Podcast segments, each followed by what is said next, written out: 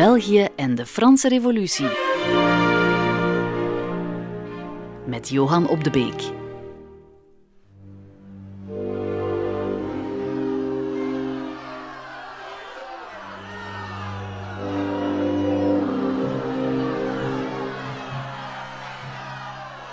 Het is weer van dat wolkenvelden vlieden over de Vlaamse velden, voortgestuwd door uh, hogere krachten, door de macht van boven. En, en zo uh, zullen ze zich ook gevoeld hebben, uh, het volk beneden. De, de gewone luidjes die, als ze boos worden, niet meer te houden zijn. En ze zijn boos gemaakt door door hun, kerkvaders, door hun pastoors. Uh, gewapend zijn ze, uh, ongeletterd. Ze, ze kunnen geen letter lezen.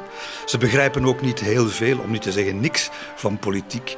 Maar God wordt belaagd. En als God belaagd wordt, dan moeten we in het geweer komen. En geleid door pastoors behangen met linten en met sabels aan hun, aan hun pijn, uh, gaan, zij, ja, gaan ze te, te hoop lopen. Uh, niet alleen tegen de opnieuw naderende Oostenrijkse legers, maar eigenlijk in de eerste plaats, want de echte vijand, de echte, de echte verraders eigenlijk, die zitten in eigen land. Dat zijn, ja, dat zijn de, de vonkisten, de zogenaamde democraten, die voorgesteld worden door de, ja, door de clan van uh, de heersende clan van Van der Noot als de atheïsten, de gevaarlijken, degene die, ja, die eh, de kerk ten gronde gaan richten. En dan, ja, dan zijn de gewone luidjes, dan zijn die plotseling paraat om in het geweer te komen. Om een lang verhaal kort te maken, we gaan in eigen land, in de voormalige Oostenrijkse Nederlanden, nu dat beginnende Belgische staatje, wel gaan we een periode tegemoet van interne repressie van Belgen tegen Belgen. Dat begint in mei, van einde mei al. Hè. Dan, is er, uh, dan zijn er echte razzia's in het land. Uh, in Brussel 82 arrestaties op één dag. Mensen worden gewoon zonder enige vorm van proces in een klooster opgesloten. Uh, ze krijgen zelfs niet eens te eten die eerste dagen, zeg. Maar wat nog veel vaker voorkomt, dat zijn de knokploegen van Van der Noot, geleid door de pinnige Pinot de Bellem, zijn, zijn oud aanhoudster, moeten we zeggen. die gewoon ja, alles wat enigszins afwijkt van de goede leer van Van Nuffel, van Van der Noot, van de, de kanuniken en de pastoors, wel, ze slaan ze in elkaar. En dat gaat dus niet over het tuig van de richel, hè, de slachtoffers. Dat gaat over advocaten, geneesheren, kooplieden, renteniers, café-uitbaters, drukkers, middenstanders. Niet dat dat betere mensen zijn dan anderen, nee, maar dat zijn wel geen. Ja, dat zijn, dat zijn geletterde mensen die hebben eens nagedacht over de toekomst.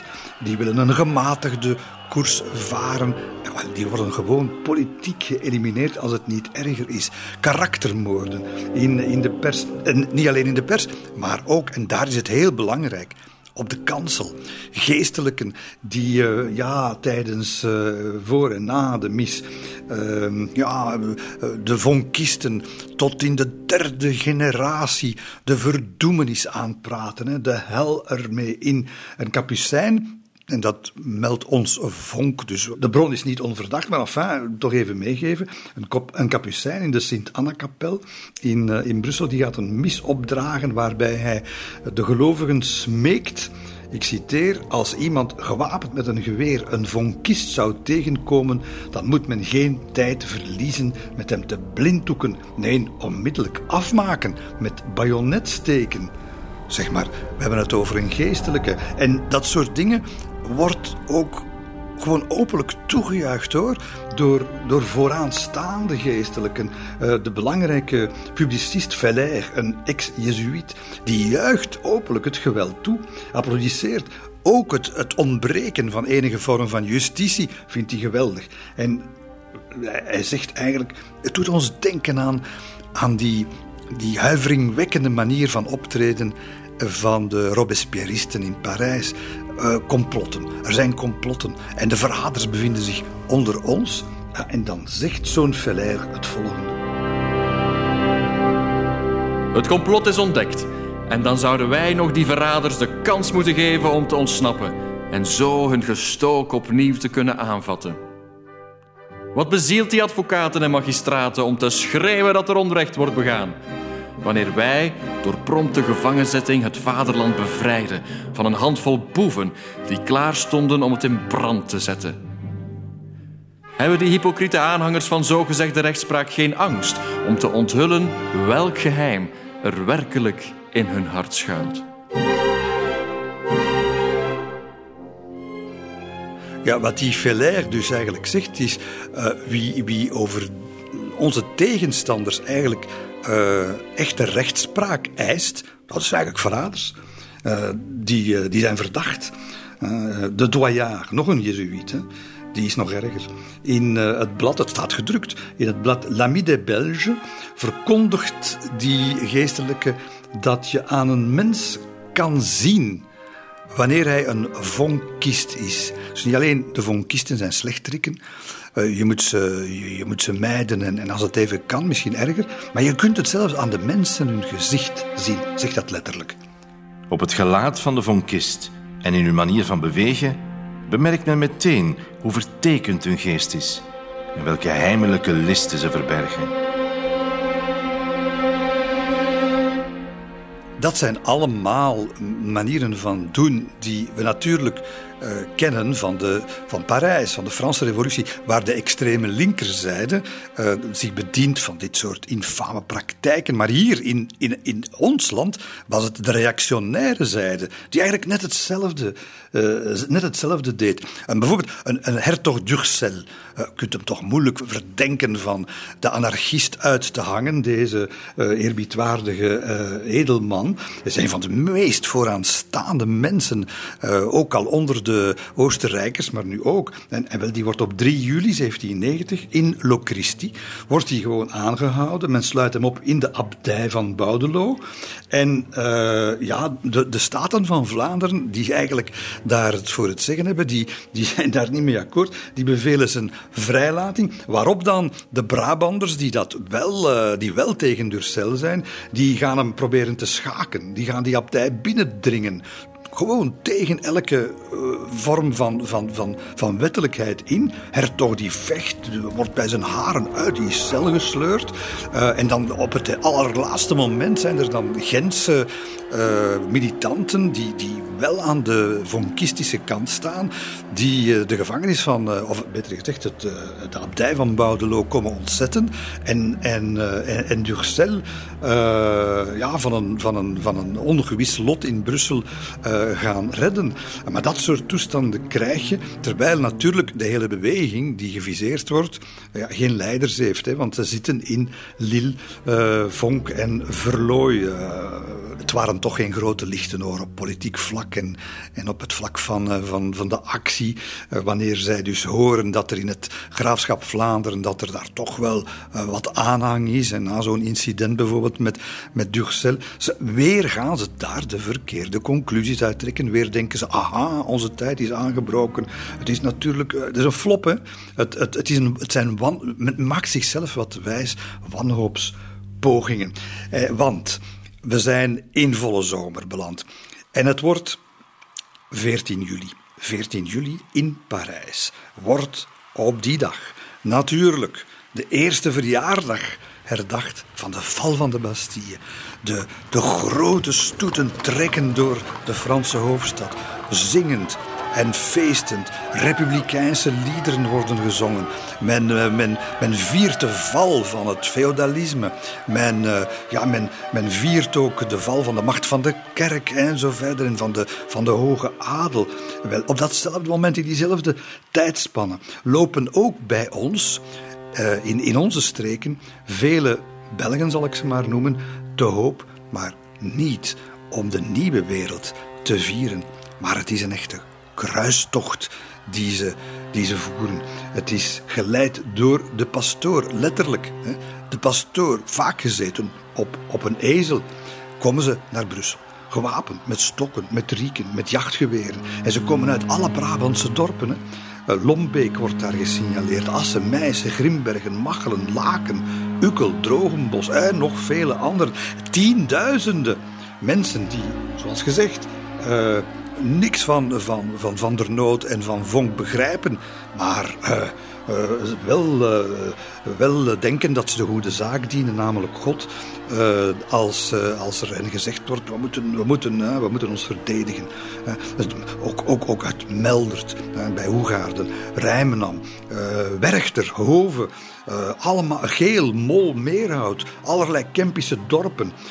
ja, en de, de, de, de democraten, die mensen die geneesheren en die, die wat hoger opgeleid en die zitten eigenlijk werkelijk verlamd van de angst achter hun ramen, van achter hun gordijnen in hun Brusselse huizen te kijken naar die optochten die door die straten trekken van, van, van schuimbekkende, uh, woeste plattelanders die denken dat, uh, dat, ja, dat Brussel, uh, en zeker die vonkisten, dat die eigenlijk het, het geloof naar ten gronde aan het richten zijn. Ja, dit is het puurste fanatisme dat zich, dat zich laat zien. is angst. Hè? Dit, is, dit is de onverdraagzaamheid ten top. En eigenlijk zou ons dat niet, of zou hen dat niet mogen verwonderen, want er, zijn, er zijn precedenten. Uh, er zijn precedenten en, en niet alleen zijn er precedenten, maar het gaat ook nog erger worden. Uh, wanneer de zomer al voorbij is, dan gaat zich een fameus maar werkelijk een barbaars incident voordoen. Uh, we zijn 6 oktober 1790. En wat is er aan de hand? Wel, het is een van de mannen van Walkiers, bankier, handelaar, vonkist, democraat. In Brussel, een zekere van Kriekingen, Willem van Kriekingen uit Wezenmaal. En die is verliefd. En die is verliefd op het nichtje van een pater zeer conservatief uh, man, een publicist, Huygen heet hij, maar noemt zich eigenlijk Emilianus van Anderlecht. Ja, je voelt al zo, de kruistochten in Godfried van Bouillon, die zijn niet ver af. Eh, maar die Willem van Kriekingen, dat is helemaal geen, uh, geen, geen rabiate katholiek, dat is, een, dat is een vonkist.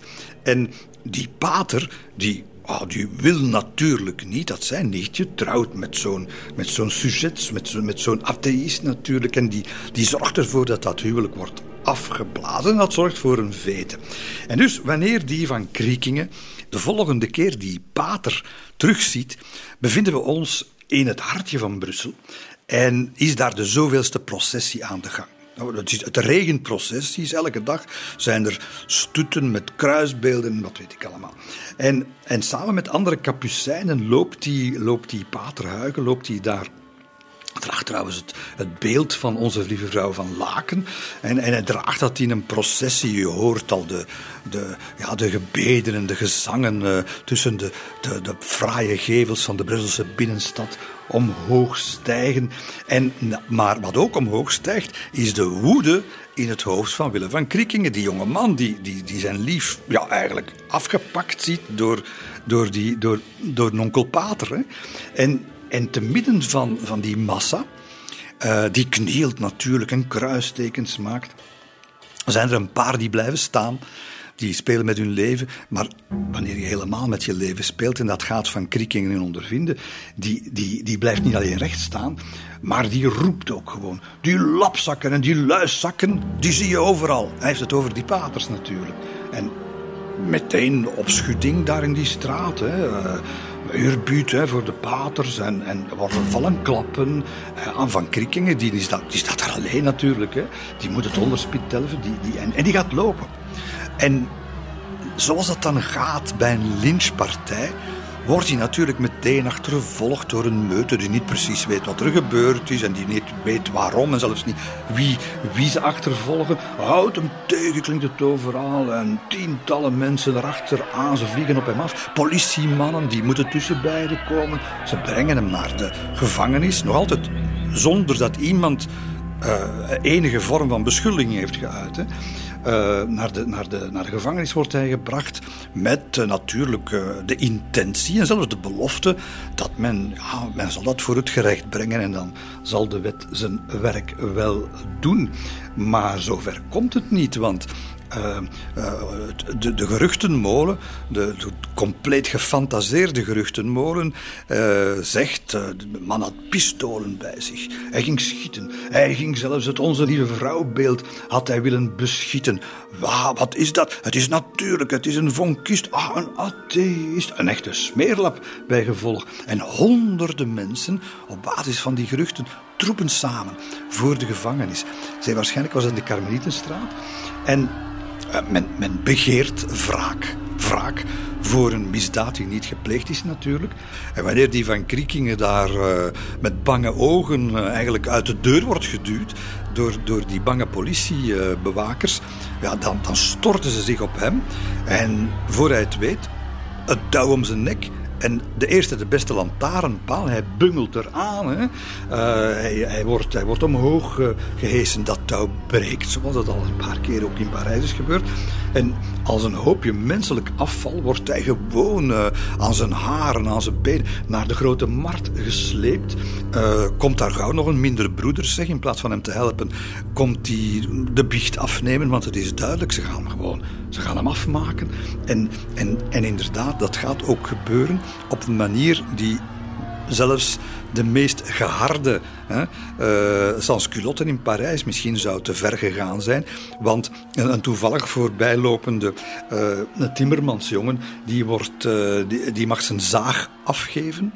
En die zaag wordt gebruikt om op de grote markt van Brussel het hoofd van die jonge Willem van Kriekingen van zijn romp te scheiden.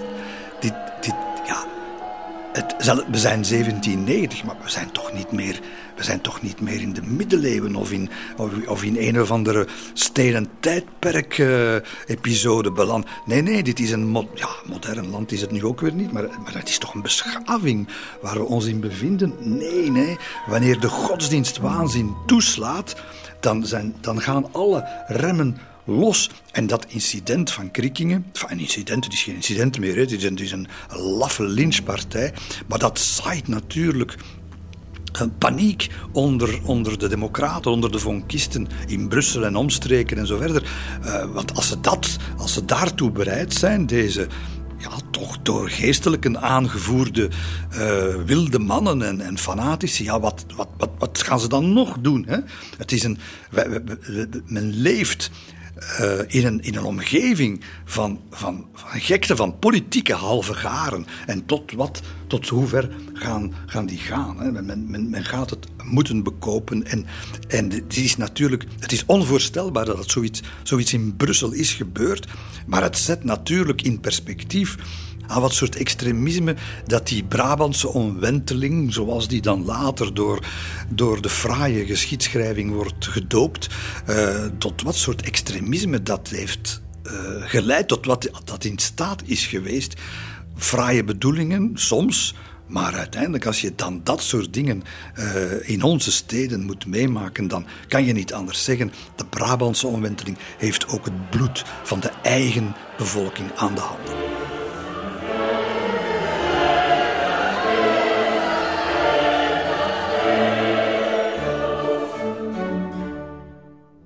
En de Franse Revolutie. Met Johan op de Beek. Die zomer en, dat najaar van 1790 is natuurlijk bijzonder wild geweest in Frankrijk, in Parijs. Maar uh, u zal het met mij eens zijn, uh, na wat we net gehoord hebben. Uh, dat was natuurlijk ook bij ons zo. Om andere redenen, met, met, andere, met ander volk. Maar het, het is een, een totaal krankzinnige situatie. Want terwijl dat gepeupel uh, uit al die dorpjes zich in de grote steden komt vergrijpen, zich gaat uitleven uh, op de andersdenkende, want dat, dat was het, hè. je kunt het niet anders benoemen. Tegelijkertijd doet het bewind die dat gedoogt en dat toch allemaal als het niet alleen gedoogd, maar misschien ook zelfs in de hand heeft gewerkt, het Van der Noot bewind, wel, die, die denken blijkbaar dat ze dat ze voor goed aan de macht zijn. Die denken blijkbaar dat dat het spel gespeeld is. Terwijl we weten dat ze uh, die nieuwe Oostenrijkse keizer Leopold II een neus hebben gezet. Ze hebben al zijn toenaderingspogingen gewoon genegeerd. Frankrijk, die hebben ze ook geschoffeerd. Dat is allemaal niet nodig. Wij hebben, wij hebben het hier goed, we hebben het voor het zeggen.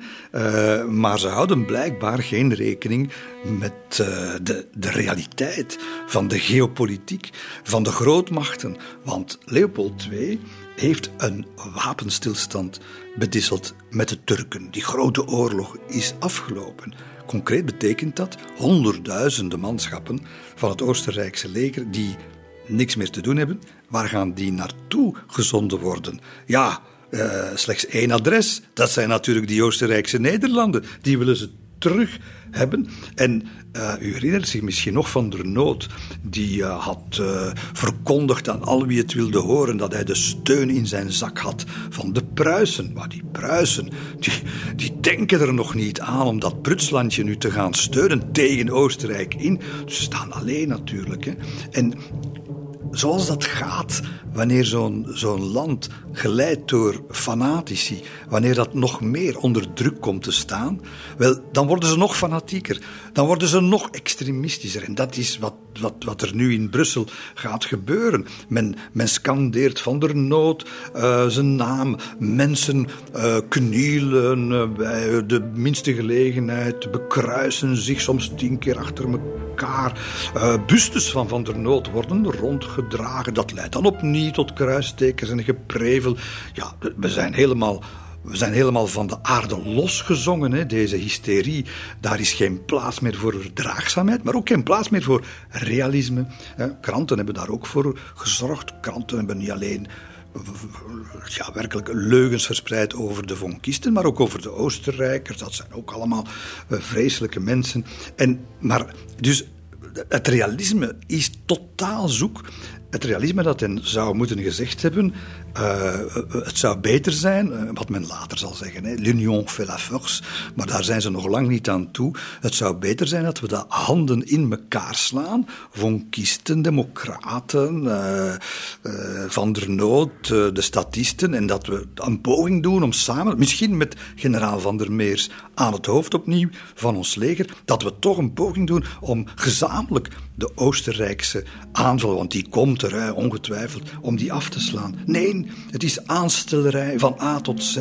Het lijkt wel alsof men in een bubbel leeft, terwijl het heel duidelijk is wanneer we uh, de winter gaan naderen, uh, dat Oostenrijk niet alleen op komst is, maar met volle kracht op komst is. Dat het rijk van Van der Nood niet meer is geworden dan een instortende ruïne.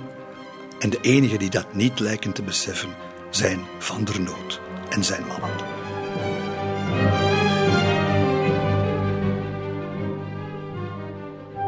Tegen de groten valt nooit veel te beginnen. En uh, ja, het, luchtkasteel dat die uh, premature Belgische Republiek was, wel, dat, uh, dat, uh, ja, dat gaat natuurlijk nu verdampen. Hè? Maar, maar Brussel beseft dat niet.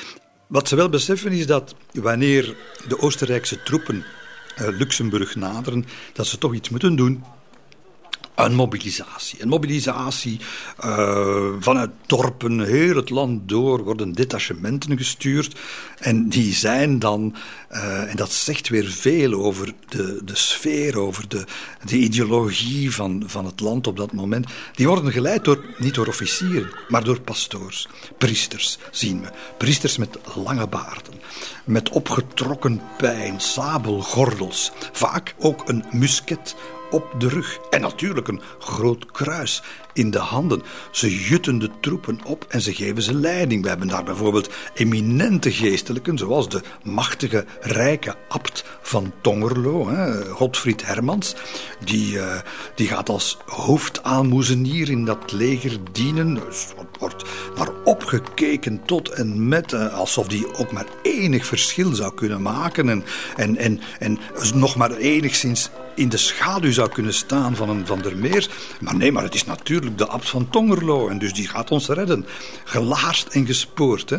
En over dat zwarte kleed, uh, op dat zwarte kleed dat hij draagt, een geborduurd heilig hart, maar ook goudkleurige epauletten. Want ja, het is een priesterofficier, zo, zo, zoiets is hij. En dan natuurlijk een kruisbeeld en een sabel.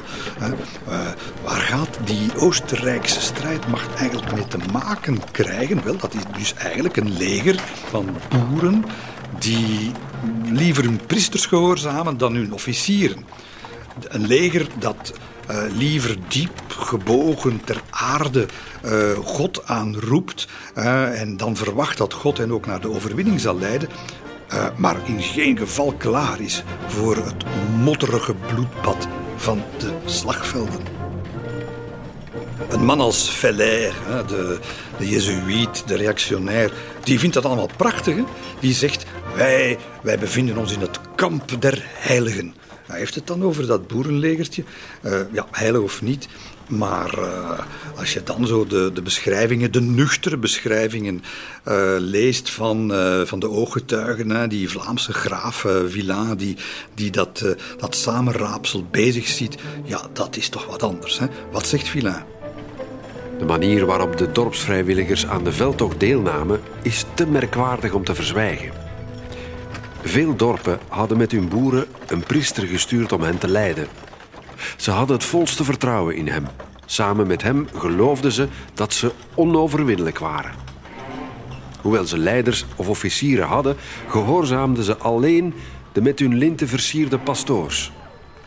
Hun officieren droegen uniformen en de patriotische rood-geel-zwarte kokarde. Bij het verlaten van hun dorpen hobbelde altijd een karavaan ossenkarren mee, ze waren volgeladen met hammen, worstjes, spek, brood en grote zeildoeken, waar ze tot 90 man onder lieten slapen.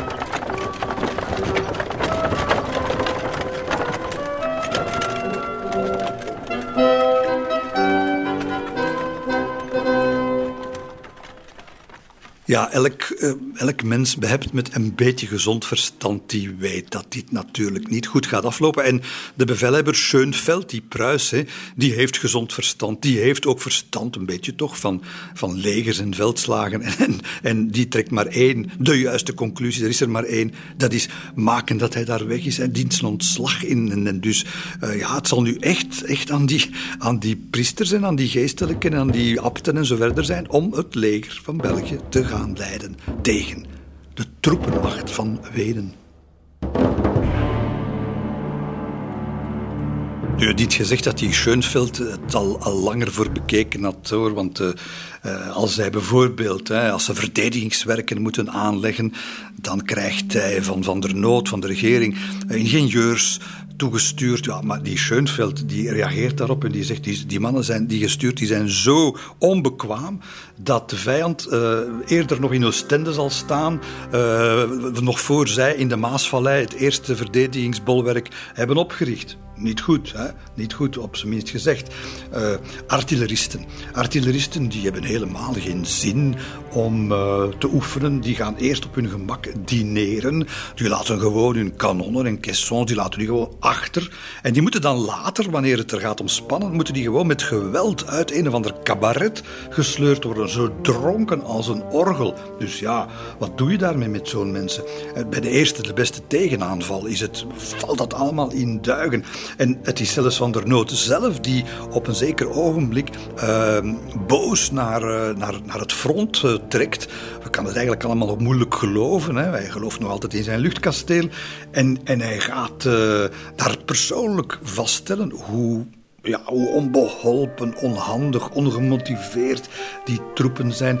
En zo bang soms dat hij met eigen ogen heeft gezien hoe artilleristen hun kanonnen gewoon een vallei hebben ingeduwd. Dan kunnen ze ze toch zeker niet meer gebruiken en kunnen ze rustig naar huis gaan. Ja, ga met zo'n mannen naar de oorlog. Hij gaat infanteristen in volle actie tegenkomen. Ja, maar ze lopen wel in de verkeerde richting, namelijk richting Brussel in plaats van richting de vijand. Ze geven cavalerie, geeft de sporen, maar de sporen waar naartoe?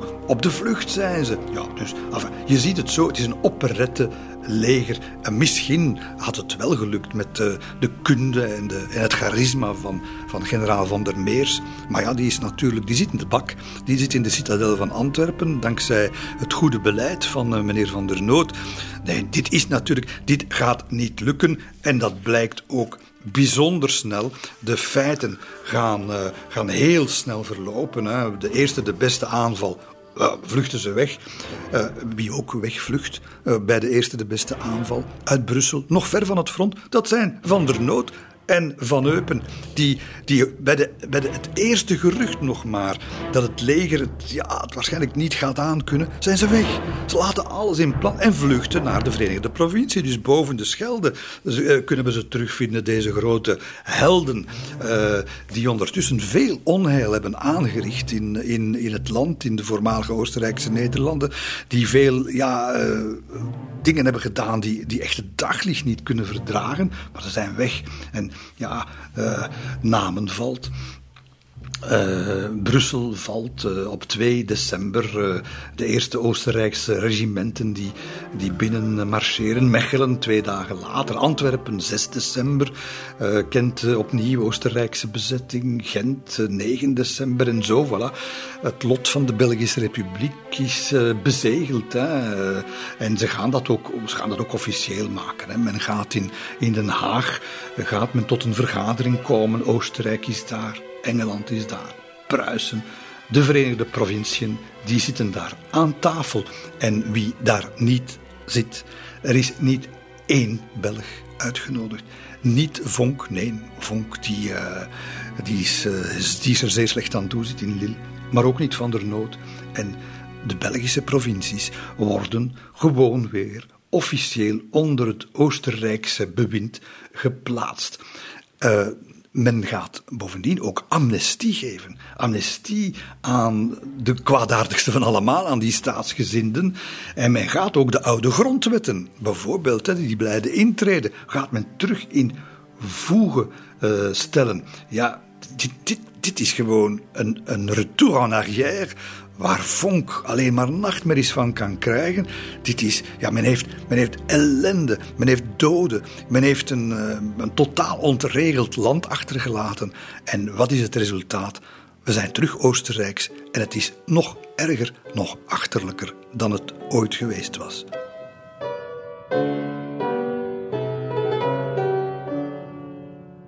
De Belgische zaak, waar het allemaal om begonnen was, wel, die, die heeft daar in Den Haag niemand voor een centimeter geïnteresseerd.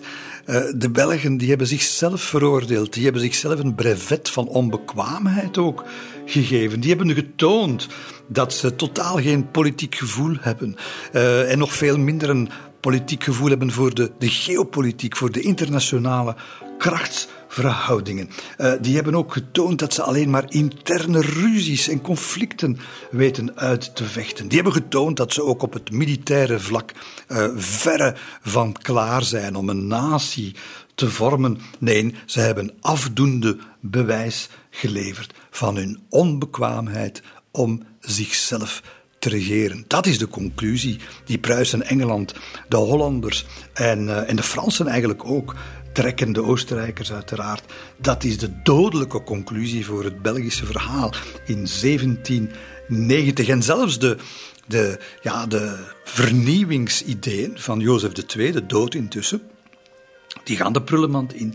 Uh, Leopold II die gaat zijn ja, eerder gemaakt uh, toezeggingen, uh, die gaat hij nakomen hoor. Die gaat gewoon doen wat hij gezegd heeft. En dat wil zeggen dus geen actie geen uh, repressie tegen uh, de, degenen die in functie zijn, de staatsgezinden. Dat zijn eigenlijk dus de, de clan van Van der Noot. Er gaat daar niets tegen beginnen. Uh, de, de abt van Tongerlo, de man met het, met het zwaard en het kruis daar op zijn ezel, niets tegen beginnen. De kardinaal van Mechelen, die, die oh, moord en brand heeft geschreven tegen Oostenrijk dat is echt geen probleem. Uh, van Eupen, Petrus van Eupen, Hendrik van der Noot, al die mannen mogen allemaal terugkeren. En, en krijgen eigenlijk dus terug de leiding, krijgen eigenlijk terug hun plaats in de restauratie en gaan naar hun vroegere plekken terug. En dus we moeten concluderen. Die Brabantse omwenteling, wel, dat is helemaal geen revolutie. Het is ook geen omwenteling van der nood. Die is er ingeslaagd met de hulp van de onkunde van zijn tegenstanders, van Vonk en dergelijke, is erin om het verleden tot heden te maken. En het heden tot verleden. De Brabantse omwenteling geeft ons ook eh, een inkijkje in de, ja, de, de perfide rol van de realpolitiek. Hè. Klein landje dat uh, zich eventjes probeerde los te wrikken. En hoe reageert nu dat Oostenrijkse bewind? We hebben al gezien dat ze uh, zeer toegeeflijk en alles mag verder gaan zoals het vroeger was. Maar wat lezen we? Wat lezen we in de correspondentie? De Oostenrijkers weten of denken, vermoeden dat ze met die van der Nood wel door een deur kunnen, maar ze zijn bang voor Vonk en voor de democratische beweging, want dat is toch een beetje de elite van het land. En die, die mogen allemaal terugkeren. Aan, als het stof wat gaan liggen is, dan, dan komen die uh, ongebreideld optimistisch zoals altijd. Behalve Vonk. Vonk niet. Hè. Vonk die vertrouwt de Oostenrijkers niet. Maar vele van zijn medestanders, zeer optimistisch, uh, keren die terug. Ah ja, want ze hebben goede herinneringen aan Jozef II, die vernieuwingen, die verlichting en zo verder. En het, het zal wel terug, het zal uiteindelijk toch wel in orde komen. Maar wat schrijft de Oostenrijkse kanselier, die, uh, die eigenlijk het Oostenrijkse bewind in Brussel in de gaten houdt? Die schrijft: de activiteiten van de Democraten moeten we blijven volgen. Ik beveel om de activiteiten van de Democraten te blijven volgen. Hun niets te beloven, maar hen niet af te wijzen en de behandeling van hun eisen uit te stellen tot op het moment waarop we de orde volledig hersteld hebben. En de keizer zelf, die, die, is, het daar, die is daarmee eens. Hè. De keizer, want we zijn nu toch al 1791, die is nu maar voor één ding beducht. Nou, dat is niet zozeer voor een Belgische opstand, maar voor Frankrijk, voor de revolutie. En het overslaan van de revolutie, zoals men eigenlijk wil in Parijs, naar andere landen in Europa. En hij schrijft aan zijn zus uh, Maria Christina, die eigenlijk de landvoogdes is van, uh, van, van, van, van België, zullen we maar zeggen. Hij schrijft op 31 januari, schrijft hij, ik ben ervan overtuigd dat uw problemen niet losstaan van die in Frankrijk. Zie je? Dus uh, hij is bang voor Walkiers, voor de Vonkisten, die hij eigenlijk aanziet voor de, de, ja, de sterkste fractie en daarom ook de gevaarlijkste, zegt hij. Leopold zegt zelfs, ze heulen samen met de Fransen en ze krijgen geld van hen. Dus de angst voor de uitslaande brand van de revolutie, uh, die, die, die, is nu, die bepaalt eigenlijk alles. En dat, zoals ik zei, dat wantrouwen is wederzijds. Vonk vertrouwt de Oostenrijkers voor geen centimeter. En zeker als je dan ook nog ziet, de Oostenrijkers gaan ook aan generaal van der Meers, de voormalige leider van het Belgische leger, amnestie geven. Ze gaan hem, wordt, niet, uh, wordt hem geen strobreed in de weg gelegd, maar hij moet wel beloven dat hij nooit meer de wapens gaat opnemen, moet uh, met pensioen gaan. Hij mag nooit meer in Brussel komen. Dus het, het, is toch wel het onschadelijk maken ook van het, van het militaire apparaat van, uh, van, van de voormalige opstandelingen, dat, uh, dat hier in het geding is. Tegelijkertijd um, die zenuwachtigheid van die, van die Oostenrijkers, van Kaunitz, van eh, de keizer, uh, van uh, Maria Christina. Uh, wel, maar die, die wordt ook door een heel bijzonder personage gedeeld en dat is Merci Argenteau. Merci Argenteau was eigenlijk de chaperon van Marie-Antoinette in Versailles, gestuurd nog door keizerin Maria Theresia om, uh, om haar een beetje in de gaten te houden. Zo. Uh, gepokt en gemazeld in de internationale diplomatie. En nu, uh, nu, is hij, nu moet hij eigenlijk de zaakjes in, in Brabant, in België, in de Oostenrijkse Nederlanden van commentaar voorzien. En Merci Argenteau, die beaamt ook wel. Hè. Dus dat, dat ja, dat gevoelen, dat on, ongemakkelijke gevoelen over wat, wat hebben ze nu onder hun voeten daar precies. Hè? In, in, in Gent, in Brussel, in Antwerpen, Namen. Uh, wat, wat, wat moeten ze ervan denken? En de vrees voor escalatie is zeer, zeer, zeer aanwezig. Je weet ook, de Oostenrijkse spionnen hebben dat ook al gemeld, dat, dat er een strekking binnen de Franse Revolutie is die zeer nadrukkelijk kijkt naar België. Die België eigenlijk wil betrekken bij de revolutie. En niet alleen misschien betrekken, maar misschien zelfs annexeren. En, en, dat betekent oorlog natuurlijk. Dat betekent het kwijtspelen van die Oostenrijkse Nederlanden. Dus men, men, ja, men vertrouwt het zaakje voor geen meter. En wat zegt Merci Argenteau? Hij benoemt het zeer, zeer letterlijk. De Franse denkwijzen hebben hier de hoofden op hol gebracht. Men noemt zich de verdediger van het algemeen belang. Tot nu toe betuigt men zijn genegenheid en trouw aan de vorst. Men weigert hem niks. Maar men zegt het volk te vertegenwoordigen. Ik denk dat het beter is om het goede te laten vallen en ons weer te baseren op onze vroegere verhoudingen met het volk. Dat vertegenwoordigd wordt zo goed en kwaad als het kan. Dat is beter dan het te betrekken bij een hervorming, zelfs al is die noodzakelijk. Dat is nu eenmaal het gevolg van de onfortuinlijke omstandigheden.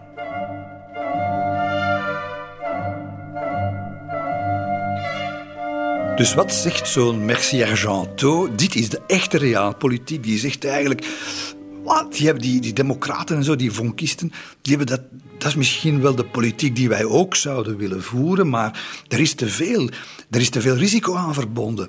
Te veel hervormingen, dat gaat de, de balans, de, ja, de, ook de, de ideologie, de, de gevoelens bij de mensen doen overslaan naar, uh, ja, naar meer gevoelen met de Franse revolutie. En dus een export van die Franse revolutie naar de Belgische provincies. En dat is zo reëel, zegt Merci Argenteau, dat we maar beter al die hervormingen in de kiem kunnen smoren. En jammer, maar helaas, die democratische hervormingsbeweging van Vonk, die laten we vallen als een baksteen.